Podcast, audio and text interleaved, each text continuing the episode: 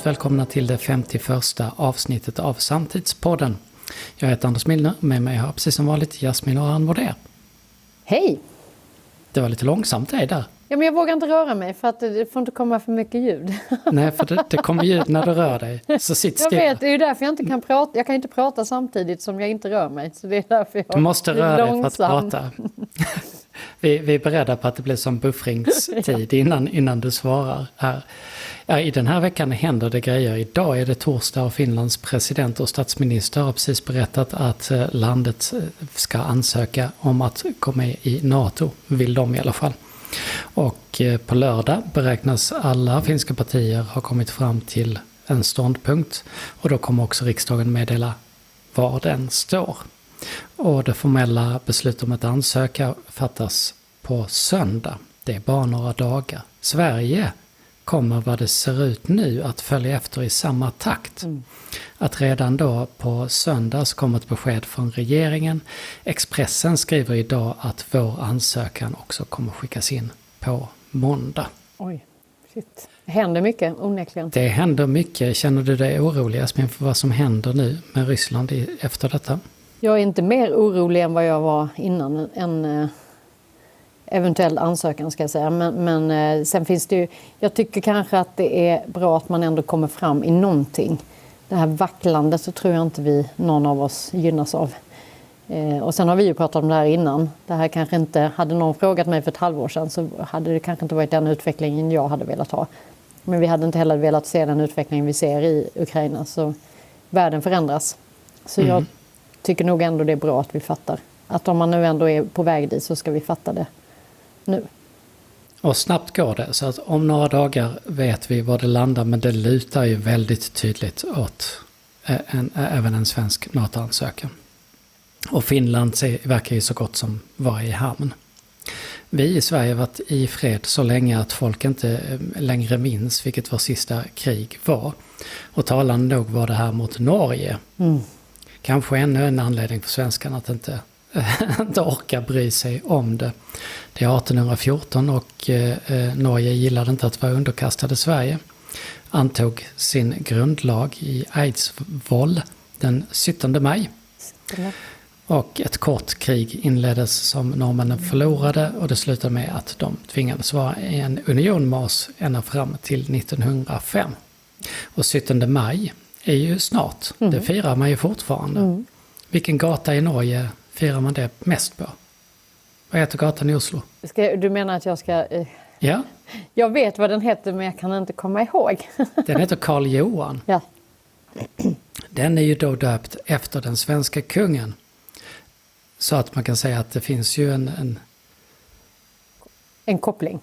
Det finns ju en koppling men det är också lustigt att man firade på den gatan med kungen. Vill man som, lite ändå hänga med oss kanske? Eller så förlorar de lite varje 17 maj i alla fall. Kanske. Oklart. Äh, oklart alltihopa. De här spänningarna vi pratar om mellan eh, stater eh, får oss, och vi har varit inne på det tidigare, får ju så att, att vända bort blicken från andra saker.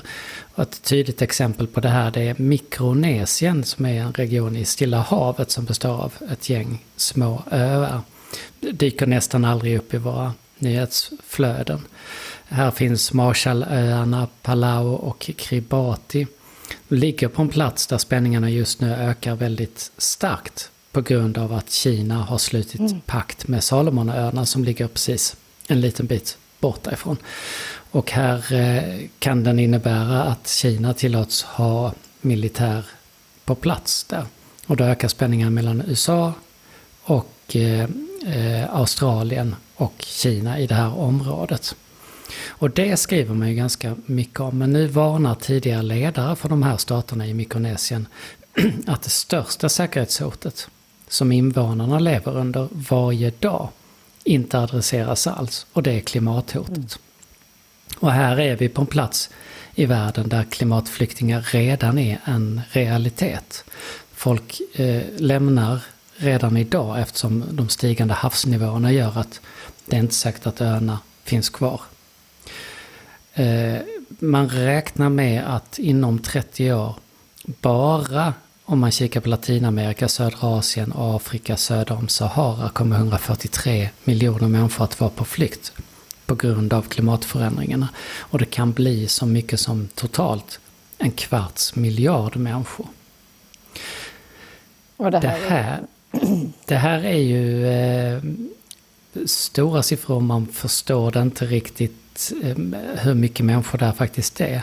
Det är inte ett giltigt skäl för att få asyl. Nej.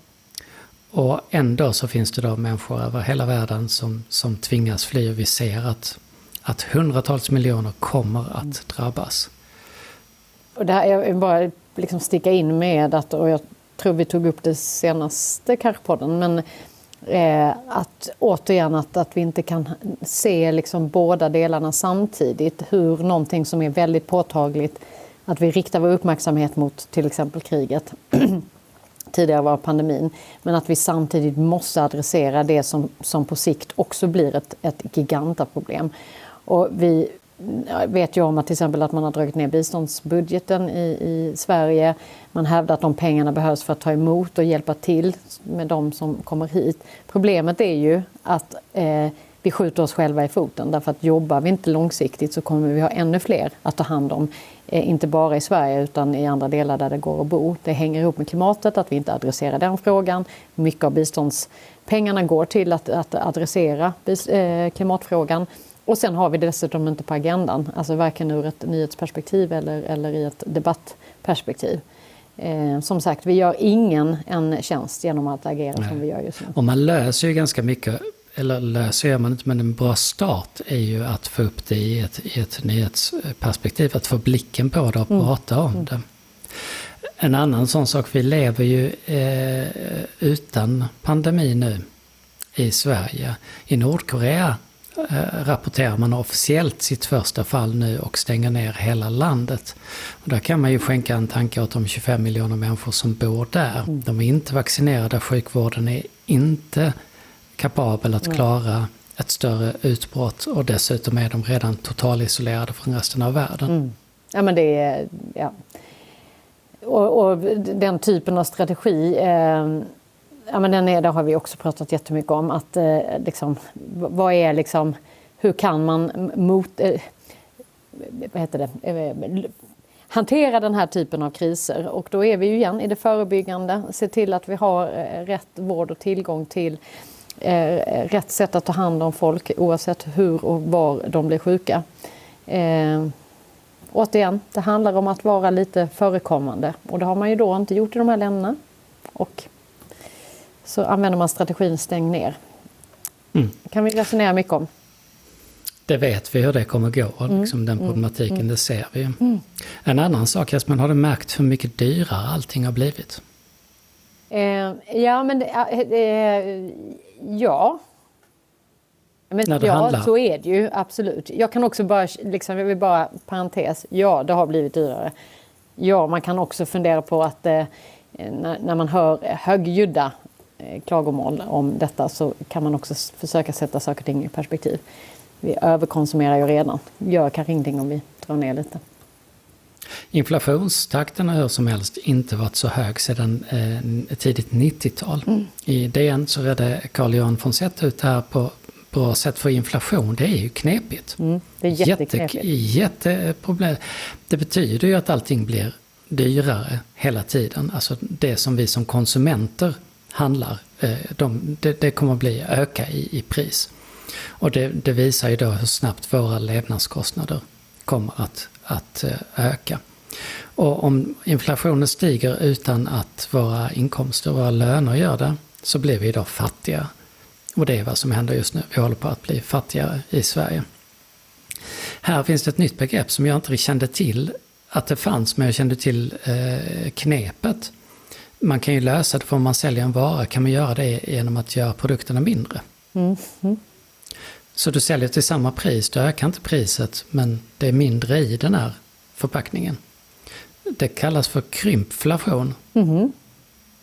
Och krympflation är någonting som väldigt många gör nu.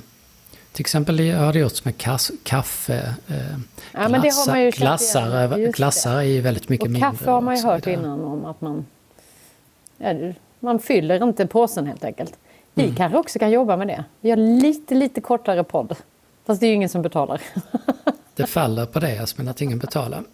Men om ni börjar betala lovar vi att göra kortare. Ja, jag kan tänka mig att gå ner till fem minuter om ni betalar riktigt, riktigt, riktigt mycket. Så att eh, mejla oss, ni vet var vi finns, så sänker vi, sänker vi eh, poddmängden. Jag kanske Men, kan prata ännu fortare för då får vi in väldigt mycket på samma tid. Så kan man också jobba med.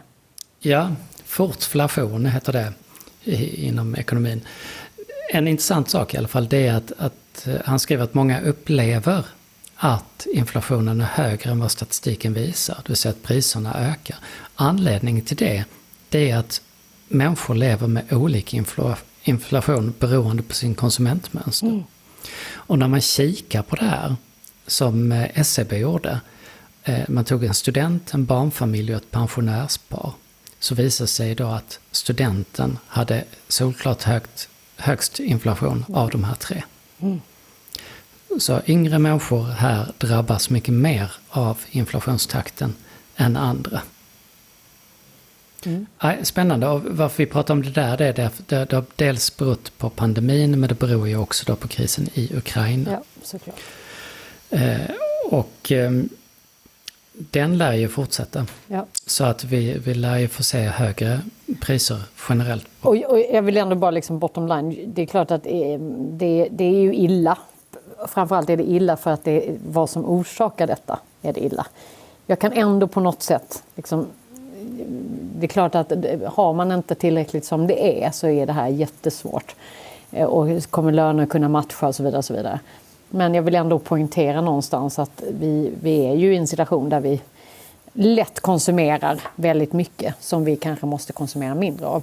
Jag har ju hört folk som piper för att flygpriset går upp. Ja, vet ni vad? Om det kostar liksom tusen spänn och mindre att flyga tur och tur till Makedonien då är det ju någonting som är problematiskt. Där vi vet att detta är ett problem. Eller att köttpriserna eh, eh, ja, men har varit väldigt billiga, då kanske inte det gör någonting att flyget går upp nej, eller köttet går nej. upp eller vad det nu är. Och jag håller ju med dig. Det, det man kan eh, oroa sig för är ju kanske att instabiliteten ja. i ett samhälle ja. brukar påverkas när folk eh, känner att de får mindre pengar. Ja. Det kan hända någonting med liksom rörelserna i, i samhället. Och där behöver vi bara liksom hålla oss men, lite tungan rätt i mun och inte överpanika eh, detta. Därför vi är fort, fortfarande bottom line så är vi liksom generellt har vi det bra. Vi har haft det liksom, generellt har många fått det bättre de senaste åren. Så ja, en bräck. Eh, och ja, vi ska verkligen ta hänsyn till de som faktiskt drabbas på riktigt av detta. Men det får inte heller bli så att liksom, den allmänna medelklassen springer runt och piper att de inte kan överleva. Mm, det kommer de. Gör de det för mycket tycker du? Ja, men jag tycker att det är väl ofta där man hör mest pipande. Eh, varför, eller? Varför, varför piper de mest? Kanske också har eh, megafonen att pipa i. De, kanske inte, de som kanske har anledning att pipa mer inte har samma möjlighet att, att få sin röst hörd. Jag tror det kanske handlar mycket om det. Mm. Jag vet inte, vad det, tycker du?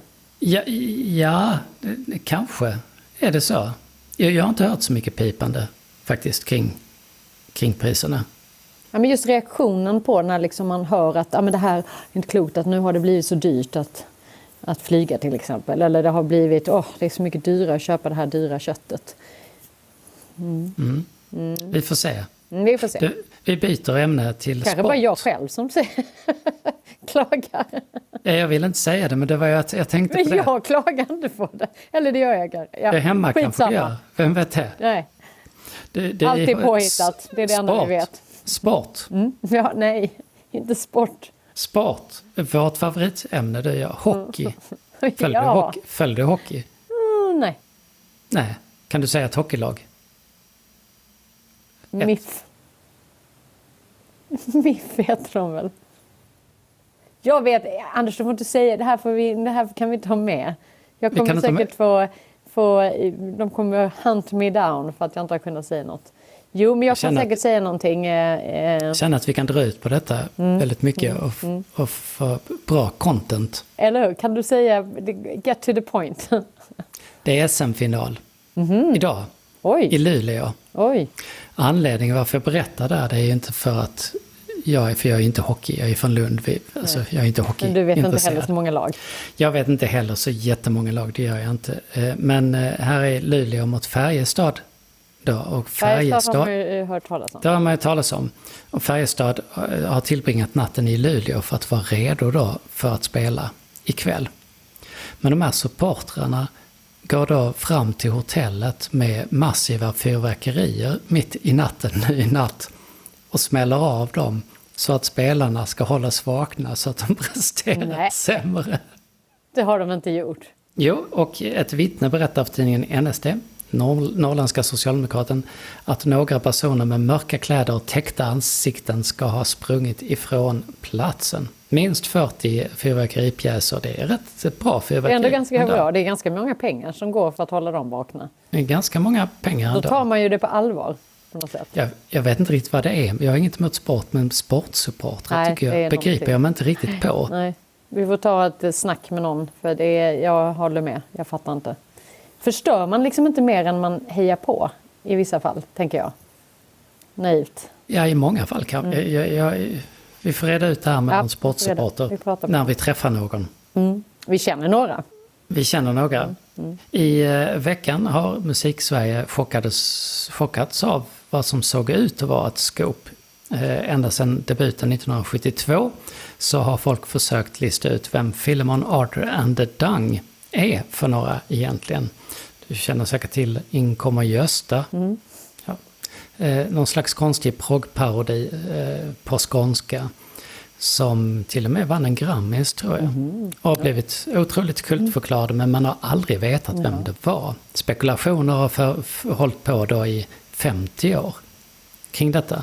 Om det var, om Mikael Wiehe var inblandad och så vidare. I veckan så spelade en grupp i Kristianstad, som är en gammal grupp, som heter Anna kokar fem ägg, jag är värd i huset. Mm. Ett bra namn. Det är ett jättebra namn, för det, man kommer också ihåg det. Precis, Anna kokar fem ägg, jag är värd i huset. De gjorde en intervju med, med Radio Kristianstad mm. innan och där hintade den ena killen i bandet att det var de som var yes. Filminator. Och sa jag ska berätta mer på konserten. Oj! Otroligt smart. Oj, det var, vilken det var, det var ju fullt på konserten. Och där gjorde de samma sak. Och sa att nu ska vi spela en låt som eh, är skriven av två bröder. Den ena är född samma år som jag och den andra är född samma år som min bror som är med i det här bandet. Och så spelade de en Filminator en Underdang-låt och då uppfattar folk det här som att de faktiskt hade erkänt att det var de bakom. Men fake hävdar kulturjournalisten Bengt Eriksson som flera gånger intervjuat de riktiga musikerna varit i samma rum. Jag har kontrollerat detta på Twitter och han vet vem de är. Så att eh, ett väldigt bra trollande helt enkelt. Och en fullsatt. Ganska roligt konsert. trollande. Otroligt roligt med tanke på att Kreativt de här människorna trollande är ju inte 20-30 år, Nej. de är ju rätt gamla här. Så att, duktigt genomfört. Ja. Anna kokar fem ägg, jag är värd i huset. Fantastiskt namn för övrigt. Efteråt så blir man intervjuad av radion igen. Och får frågan, är det ni som är de här eller inte? Och svaret lyder, jag kan inte bekräfta det och jag kan inte dementera det. Oh, Såklart. De vill ha mycket uppmärksamhet och det får de ju. Bara det här Lysande. att nu kan vi deras namn. Lysande roligt. Och eh, nu ska vi ha en gäst Jasmin. För att eh, vi har med oss Oskar Berg som eh, håller på väldigt mycket med digitaliseringens möjligheter. Och han ehm, håller på att tillsammans med sin kamrat och kollega skriva en bok om samma sak som vi gör, nämligen om möten. Så digitala samarbeten i en mötessituation. Ska vi prata om. Vi ska också prata om det här med rädda chefer och vad som egentligen händer med hierarkier på arbetsplatser när folk vet att de kan jobba hemma. Mycket spännande ska detta bli. Och även en hel del om framtidens arbetsplatser. Det ska bli intressant.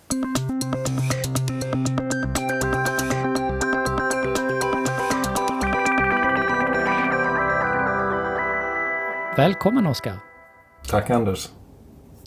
Du och eh, din eh, kollega, får man väl kalla det för, Henrik Gustafsson, Ja, vi skriver en bok, ni poddar fram en bok om digitalt samarbete. Och podden den heter Digitalt samarbete. ja. Det är ganska enkelt. boken kommer nog heta något liknande tror jag. Ja, och, och varför gör ni då detta och, och vad kommer boken att handla om? Ja, eh, vi har ju haft eh, en, eh, ett snack ganska länge, eller tankar ganska länge på att eh, vi har skrivit en bok tillsammans som heter Den digitala arbetsplatsen. Som är mer hur man skapar miljön för att eh, bli produktiv och engagerade och, så vidare i sin, eh, med sina digitala verktyg. Men det, det säger ju ingenting om hur man arbetar. Och det är egentligen det vi jobbar med båda två. Att hur man kan arbeta smartare digitalt och hur man kan samarbeta digitalt. Så vi vill helt enkelt dela med oss av den erfarenhet vi har kring det och det har blivit mer aktuellt i och med pandemin tycker vi. Eh, under pandemin hade vi kanske inte så mycket möjlighet och liksom, vi hade inte så mycket, tid att eh, dela med oss av det och eh, innan så kände vi väl kanske att det inte fanns det här suget. Men nu borde det finnas ett sug, tänker vi. Och att podda fram den, det blev ett eh, mer Ja, det var någon idé som kläcktes någonstans. Ja, men ska vi inte ta fram den här på ett annat sätt? På, kan vi ta fram den här på ett nytt sätt? Tidigare har vi tagit fram, jobbat digitalt och med Miro och eh, Google Docs och haft en eh, process eh, som ändå varit ganska, vad ska man säga, eh, långt fram i arbetssätt eh, jämfört med hur en traditionell bokprocess ser ut. Och nu ville vi göra någonting mer och Mm. kanske lite mer öppet. Och det blir ju, en podd blir ju ändå lite mer öppen. Och där är det är ju lite intressant där eftersom jag också sitter och skriver en bok som Mm. handlar om möten och jag eh, bloggar fram den. Mm. Och ni poddar fram den. Ja. Eh, vad skulle du säga är vinsterna med det arbetssättet? Det tror jag är att vi är ju två stycken. Så att vi, mycket handlar om att bolla idéer och eh, liksom jobba igenom det tillsammans. Och det är svårt att hitta tid för det. Eh, och att det kan bli lätt att man skriver på varsin kammare och sen försöker få ihop det. Så att jag tror den stora vinsten är att vi har jobbat igenom eh, och pratat igenom det som sen landar i boken. Och att det blir liksom inte eh, två delar vi försöker få ihop utan vi, vi har liksom gjort den syntesen om man säger så eh, redan innan. På ett ganska enkelt sätt. Och sen blir det ju också en slags publik process. Man kan ju verkligen följa er i, i realtid eftersom ni pratar er fram också till vissa slutsatser. Precis, den som eh, orkar gå tillbaka kan ju då eh, kanske se när, de, när de läser boken känna igen en hel del eh, saker då och kanske har varit med och påverkat innehållet eh, genom någonting som eh, som kommen, någon kommentar eller något annat som, som, som har gett input till vår poddprocess då, eller bokskrivarprocess och vårt poddande. Men du, tillbaka till det du eh, pratade om tidigare, om pandemin. Och, och, och du grottar ju gärna ner dig i den här typen av skift, alltså det digitala skiftet är någonting du har, har sysslat mycket med. Och pandemin så blir ju det ett dramatiskt skifte i hela samhället. Vad är din bild av vad som hände under pandemin för mötenas del? Ja, eh, jag har ju då gått och väntat på att man ska börja namna eh, digitala arbetssätt och de möjligheterna som finns i att eh, frigöra sig från geografiska hinder eller barriärer i, generellt sett i verksamheten. Så att det var ju på ett sätt förlösande när pandemin kom att helt plötsligt så kunde man när man måste. Eh, För det har funnits ett stort motstånd. eh, Och nu pratar vi kanske framförallt kontorsarbetare, informations och kunskapsarbetare där man har inte egentligen utvecklat arbetssätten under lång tid. Men och när det gäller möten har ju det varit en, ett verktyg man haft. Möten och, och man har haft mejl och man har haft telefonsamtal. Eh, skriva dokument och dela dem med varandra. Och det har ju varit de, de huvudsakliga, de basala, grundläggande arbetssätten vi haft. Eh, som informations och kunskapsarbetare. När vi sen gick över i, eh, när vi fick eh, eh, blev utsatta för de här restriktionerna och inte kunde träffas. Då kunde vi fortsätta mejla. Vi kunde fortsätta skicka eh, filer, vi kunde fortsätta ringa varandra. Men det som vi fick svårt att göra det var att fortsätta mötas. Så att det blev i mångt och mycket eh, för många och framförallt till en början att man översatte de arbetssätten som man hade i kontoret fysiskt till digitala arbetssätt. Eller ja, man ersatte fysiska möten med digitala möten. Och där stöter man på problem då? Ja, för att de fysiska mötena har man haft problem med sedan länge. Att eh, det har varit för många möten, för långa möten. Eh, och eh, det, de är på sätt och vis ett svar på en ökad komplexitet i verksamheten. Och då har man möten för att samordna och rätta ut frågetecken och fatta beslut så att man kan sen skingras och jobba enskilt och sen samlas man i de här mötena igen. Men vi har ju haft det här problemet med möteskedjor och, och så vidare innan. Nu blev det ju en ännu mer komplex situation. Ännu mer VUCA som man säger, det här eh, amerikanska begreppet från den amerikanska militären med snabbrörligt och tvetydigt och så vidare. Eh, och då blev ju mötena ännu viktigare. Plus då att det var egentligen det enda sättet många kunde se att man kunde jobba digitalt. Ja, för man hade inte kompetensen eh, att, att, att Nej, uh, använda andra verktyg. Man hade ingen erfarenhet av att arbeta på något annat sätt. Och, och sen skulle det här gå så snabbt. Så att eh, hur gör man då? Eh, och sen är det ju andra aspekter av det här också. Att, eh, eh ja, eh, när man, när man inte syns på kontoren då. Att, och det är ofta viktigt att synas och, och höras och, och då måste man hitta ett forum för det. Och då blev det videomöten med bild på. Istället för att bara vara borta i en hel månad och ingen har sett den och ingen ja, har pratat, blir, då, då, skulle folk bli nervösa. Ja men då tänker man kanske att så som man sett på distansarbete tidigare att ja, nu är någon hemma och klipper gräset.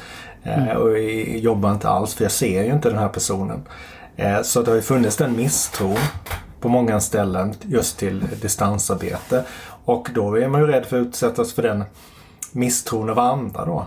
Eh, om, om, om man då inte är synlig på möten och så vidare.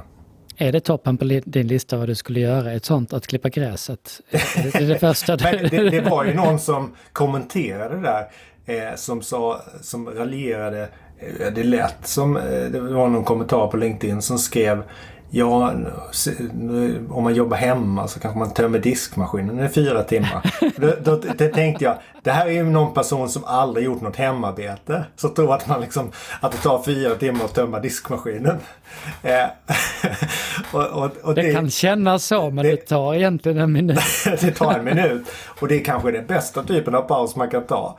För att det är totalt liksom, man gör något motoriskt och kopplar bort hjärnan och, eh, och det går snabbt och sen kan man gå tillbaka till jobbet. Så, men det finns ju de här eh, det finns en massa myter och liksom nidbilder av den ja, men det gör distansarbetande.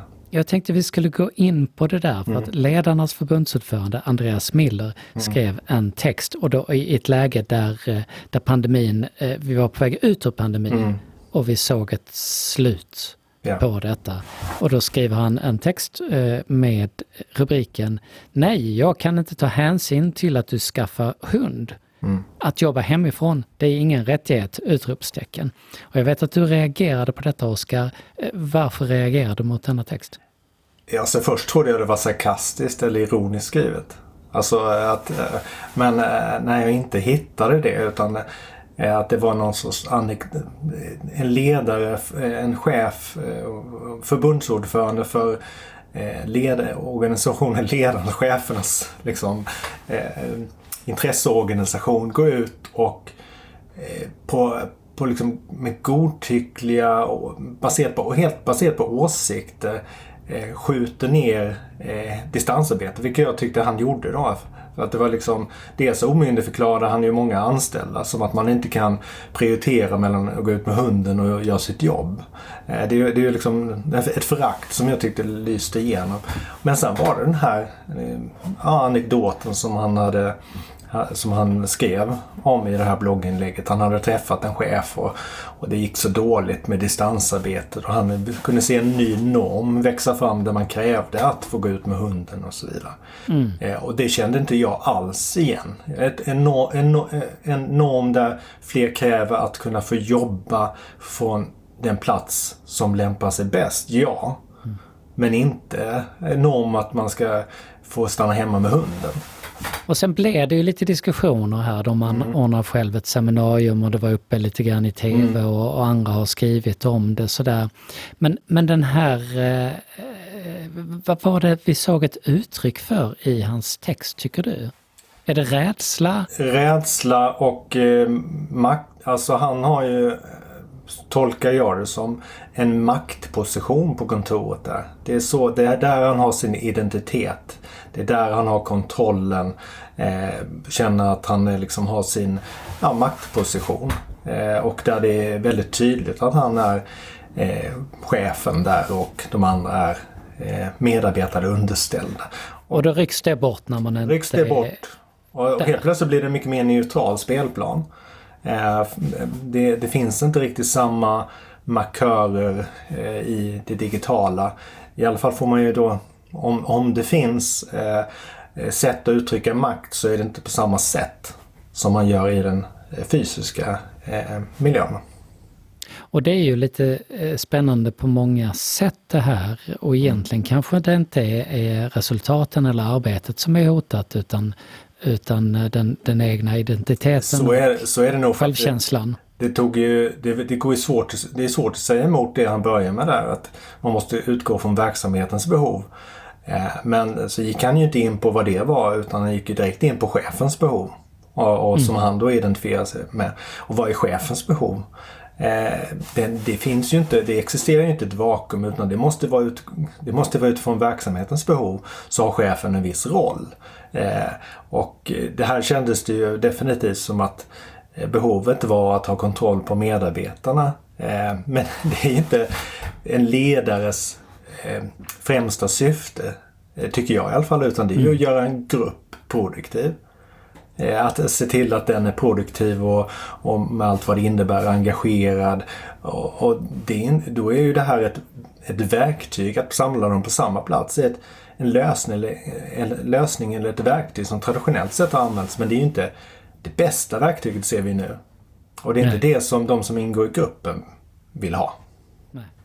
Och, och, i er eh, podd så har ni tagit upp lite exempel och ett som jag tyckte var väldigt roligt var att, att du berättade att TCO 1982 mm. eh, tog ett beslut eh, där man, att, att, att med kraft motverka hemarbete med datorer eftersom datorerna skulle stjäla jobben för folk. De skulle inte skapa jobb, de skulle mm. stjäla mm. jobb. Och i, som en eh, fas av det möjligtvis, men i samma tid, 83, säger du också i podden att det kommer en motion i riksdagen om att beskatta eller avgiftsbelägga användning av datorer för att det här skulle stjäla kvinnoyrken främst, att man såg det som ett hot det är exakt samma argument man hör nu.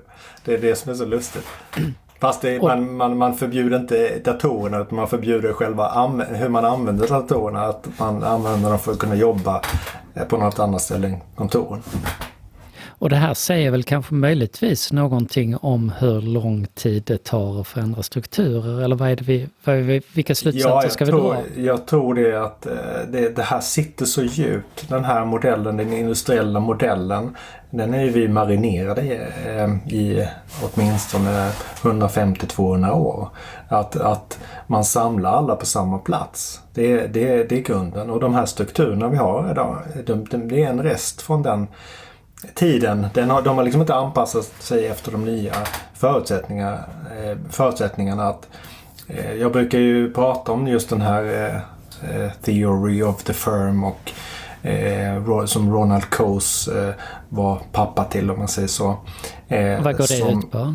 Ja, men det, det är grund, grund principen där, eller vad man ska säga, eller antagandet är att det är så dyrt att kommunicera så, eh, och det är jätteviktigt med kommunikation i en verksamhet. Så att för, dyrt och svårt. Så att om man sprider människor liksom, geografiskt så blir det svårt att bedriva en verksamhet. Så därför samlar man dem under samma tak. Mm. Och, och det har ju då historiskt sett har det ju varit så.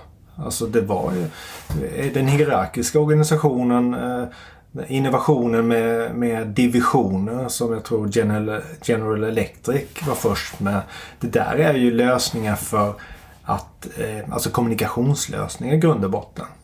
Eh, så de behövs ju inte på samma sätt när vi har en, eh, internet och kommunikation i princip gratis och vi kan kommunicera med en bandbredd och eh, liksom rikedom som vi inte alls hade tillgång till för 50-70 år sedan. Men är det därför tror du som att, att eh, de bolag man ser som jobbar annorlunda, som klarar av att bryta strukturerna, eh, i många fall är bolag som bryter mot andra eh, regler också. Att man kan se mm. startups, man kan se inom techvärlden, man kan se inom internetvärlden mm. som säger så här, vi har en rutschbana här för att ta 90-talsexempel. och vi har pingisbord, sånt som nu smyger in överallt mm. men som, som den världen var ganska tidigare med. Mm. För kontoret är delvis en lekplats för att vi ska vara kreativa och vi bryr oss inte om de gamla normerna. Är det därför som de har lättare att, att arbeta digitalt med sina möten också tror du? Ja det tror jag. Att man är, man är liksom mer eh, reflekterande och ifrågasätter gamla lösningar. Eh, och gör man det på ett område så gör man det nog på annat, andra områden också.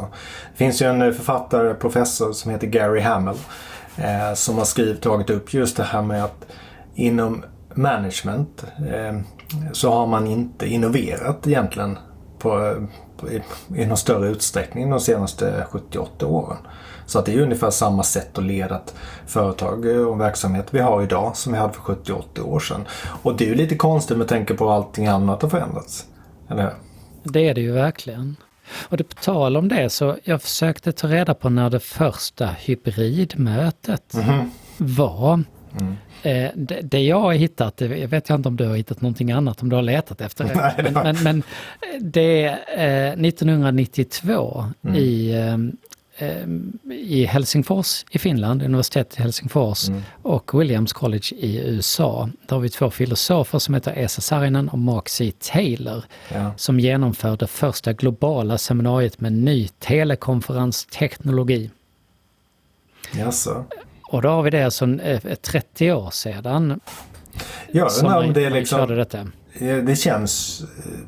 Jag vet inte när ISDN kom till eh, Sverige. Alltså när man drog fram, eh, mm. drog in, eh, man hade telefon, eh, telefonledningen. Sen fanns det möjlighet att dra in en sån här ISDN-lina. Eh, mm. Vi hade en sån hemma. Min pappa var ju tidig med, eh, han var ju i databranschen eller datorbranschen. Men hade ni telekonferenser? Ja, men han hade ju det.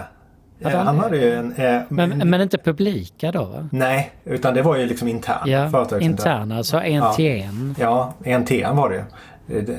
Men här har, man då, här har man då med många människor okay. första ja, gången. Så ja. Det är som att man har två stycken konferenser fast man har ja, dem samtidigt dem, på två, två olika mm. platser i mm. världen. Ja, intressant.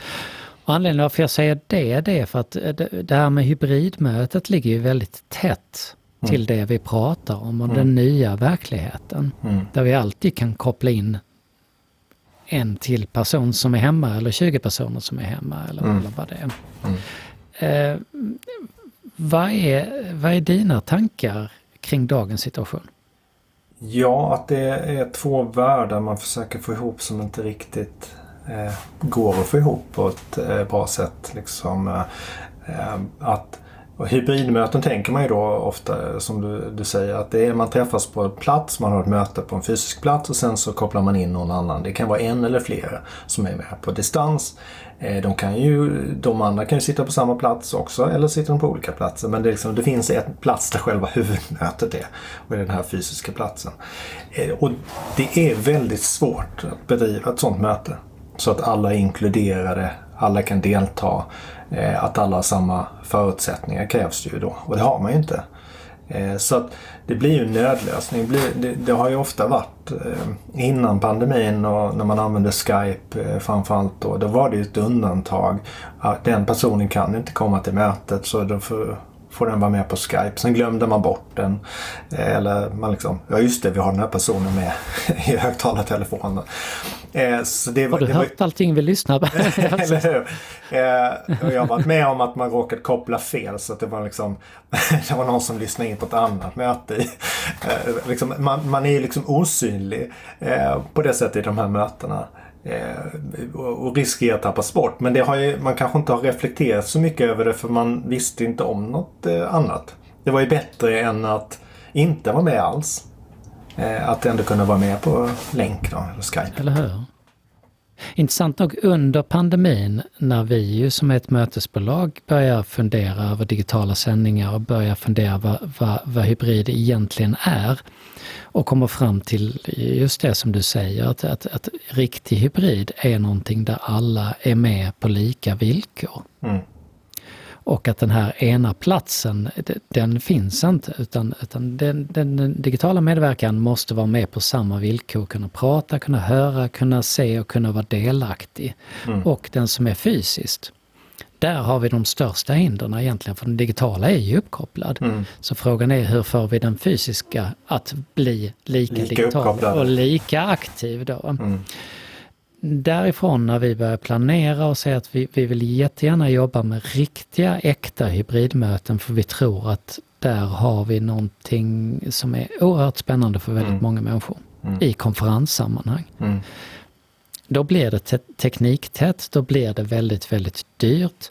Och vi insåg att ja, vi vill skriva om det här, vi vill prata om det här, mm. men vi tror nog inte att folk kommer vara intresserade för att prislappen kommer stiga. Mm. Och fler människor måste jobba med det för att göra det bra. Och det har vi ju mycket riktigt sett också nu att det folk kallar för hybridmöte är ju oftast någon stackars människa som är med där eh, lite på avsidan och som de glömmer bort efter ett tag. Mm. Om man ska hårdra det liksom. Mm. Det, vad tror du om utvecklingen framåt? För vi är ju inte i slutskedet bara för att vi stöter på patrull. Liksom. Vad, vad, vad, vad tror Nej, du det tar vägen? Ja, men jag tror att vi kommer behöva mer medvetet designa möten. Eh, och eh, det, det, har vi inte gjort tidigare. Vi har inte designat pla, ut, liksom, pla, utrymmena, alltså lokalerna. Vi har bara pluggat in utrustning. Det finns en massa saker som, som vi kan göra för att integrera platsen och det digitala. Mm. Eh, jag har tagit upp sånt tidigare som innan, eh, att jag menar, jag har en kalenderbokning i, i, eh, i min kalender och jag vet, jag har bokat ett rum. Varför, när jag går in i det här rummet, varför inte rummet medvetet om att jag ska ha ett videomöte till exempel? Varför ska jag börja koppla in saker och ting? Det är sådana enkla grejer. Att minska skavet eller friktionen mellan det här digitala och fysiska. Det tror jag att man måste se över hur man, hur man kan göra det så sömlöst som möjligt. Mm. Eh, den här eh, miljön. Men sen är det Sen är det ju att man måste då köra allting digitalt först. Alltså eh, ska man ha samma förutsättningar så kan man inte ha en whiteboard, fysisk whiteboard i, i rummet som de som är där ritar på medan de på distans kan liksom de kan säga till de andra eller rita på, de kan se den men de kan inte göra mer. Utan då måste man köra digital whiteboard och så måste man integrera den i rummet i så fall. Mm. Eh, så att jag tror det finns jättemycket eh, sak, spännande saker att göra där kring hur man utformar eh, och miljö. intressant nog, och det här vet jag mm. inte, det är bara min spaning, mm. men mitt under pandemin har vi väldigt många diskussioner om framtidens arbetsplats, framtidens mm. hem, för vi får det här stora skiftet. Mm. Så vi får byggbolag som är intresserade och spännande, ja men vi kanske måste rita om kontoren vi bygger imorgon. Mm för att de måste fungera på ett annat sätt. Och vi måste också rita om hemmen. Mm. För vi upptäckte ju alla vi som satt med strykbrädor med våra datorer på inklämda att vi, det är inte gjort för att vi ska kunna jobba hemma Nej. i längre tid. Men det känns lite som att även den diskussionen nu när vi kommer tillbaka har fallit tillbaka fallit undan? Eller jag vet inte vad du tänker om framtidens arbetsplatser och framtidens... Jo men det, absolut tror jag det att sånt, för det är också så stora saker. Uh, och så att jag tror att uh, det här tar lite längre tid. Uh, vi kommer liksom, vi, det gick så snabbt under pandemin. Vi tog, det, liksom, det var en dramatisk omställning. Normalt sett går det inte så snabbt utan det tar mycket längre tid. Så därmed kommer vi liksom ta några kliv tillbaka. men vi kommer fortsätta framåt. så att mm. jag är övertygad om att det här kommer att ske.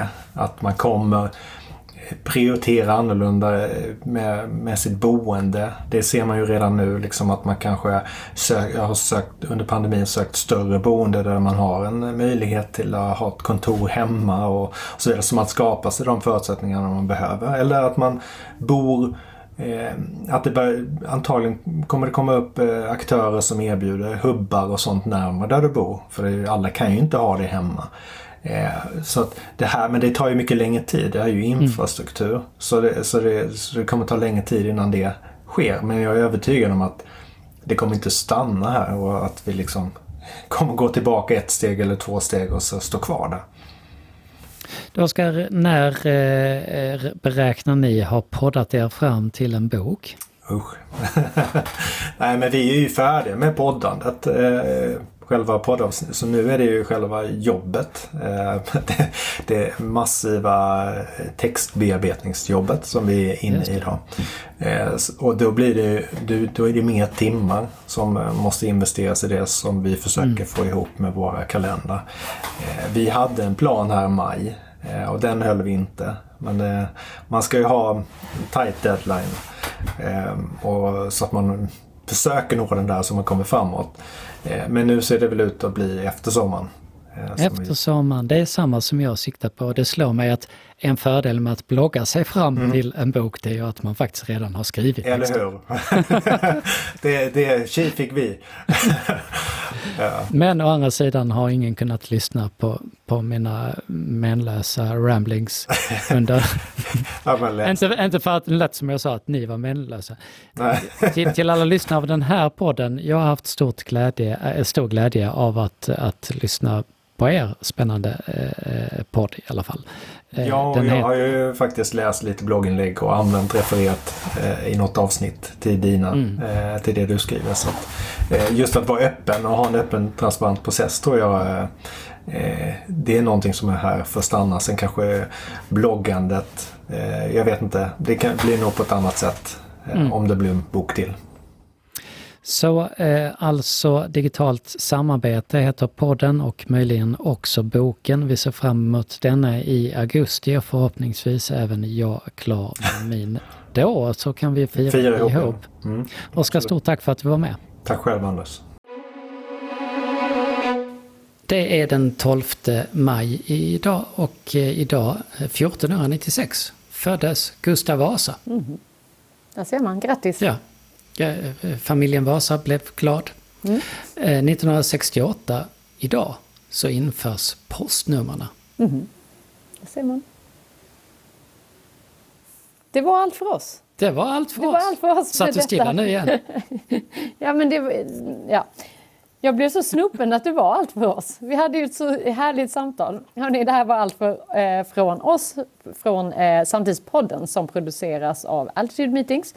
Och vill ni veta mer vad ni, vi sysslar med eh, mellan poddarna så går ni in på altitudemeetings.se och kollar in oss där. Vi ses igen om en vecka. Tack för idag!